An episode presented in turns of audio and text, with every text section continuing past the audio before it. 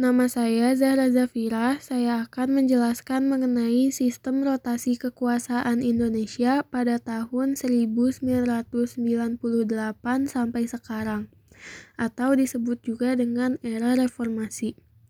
Dalam masa pemerintahan Baharudin Yusuf Habibie inilah muncul beberapa indikator kedemokrasian di Indonesia.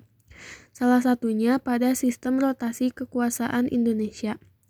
Pada tahun 1998 sampai sekarang ini, rotasi kekuasaan dilaksanakan dari mulai pemerintahan pusat sampai pada tingkat desa. Perputaran kekuasaan era reformasi sekarang lebih ke bersifat demokrasi, yang lebih menjadikan rakyat sebagai pemegang kekuasaan tertinggi. Seperti misalnya yang tercermin dalam pemilu yang pertama kali dilaksanakan pada tanggal 7 Juni 1999. Jadi, dengan sistem rotasi kekuasaan yang demokratis ini, semua rakyat berhak memilih siapa yang akan menjadi pemimpin mereka, dari pemerintahan pusat sampai ke desa dengan melaksanakan pemilu.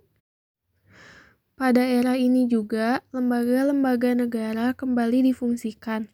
Masa jabatan presiden dan wakil presiden menjadi dua periode. Rakyat juga diberi kebebasan untuk membentuk partai menjadi peserta pemilu.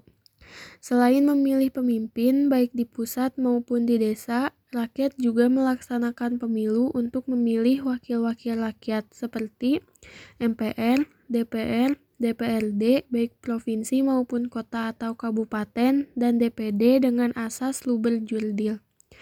Pola rekrutmen politik untuk pengisian jabatan politik juga jadi dilakukan secara terbuka. Setiap warga negara yang mampu dan memenuhi syarat dapat menduduki jabatan politik tanpa adanya diskriminasi. Sekian penjelasan dari saya. Terima kasih.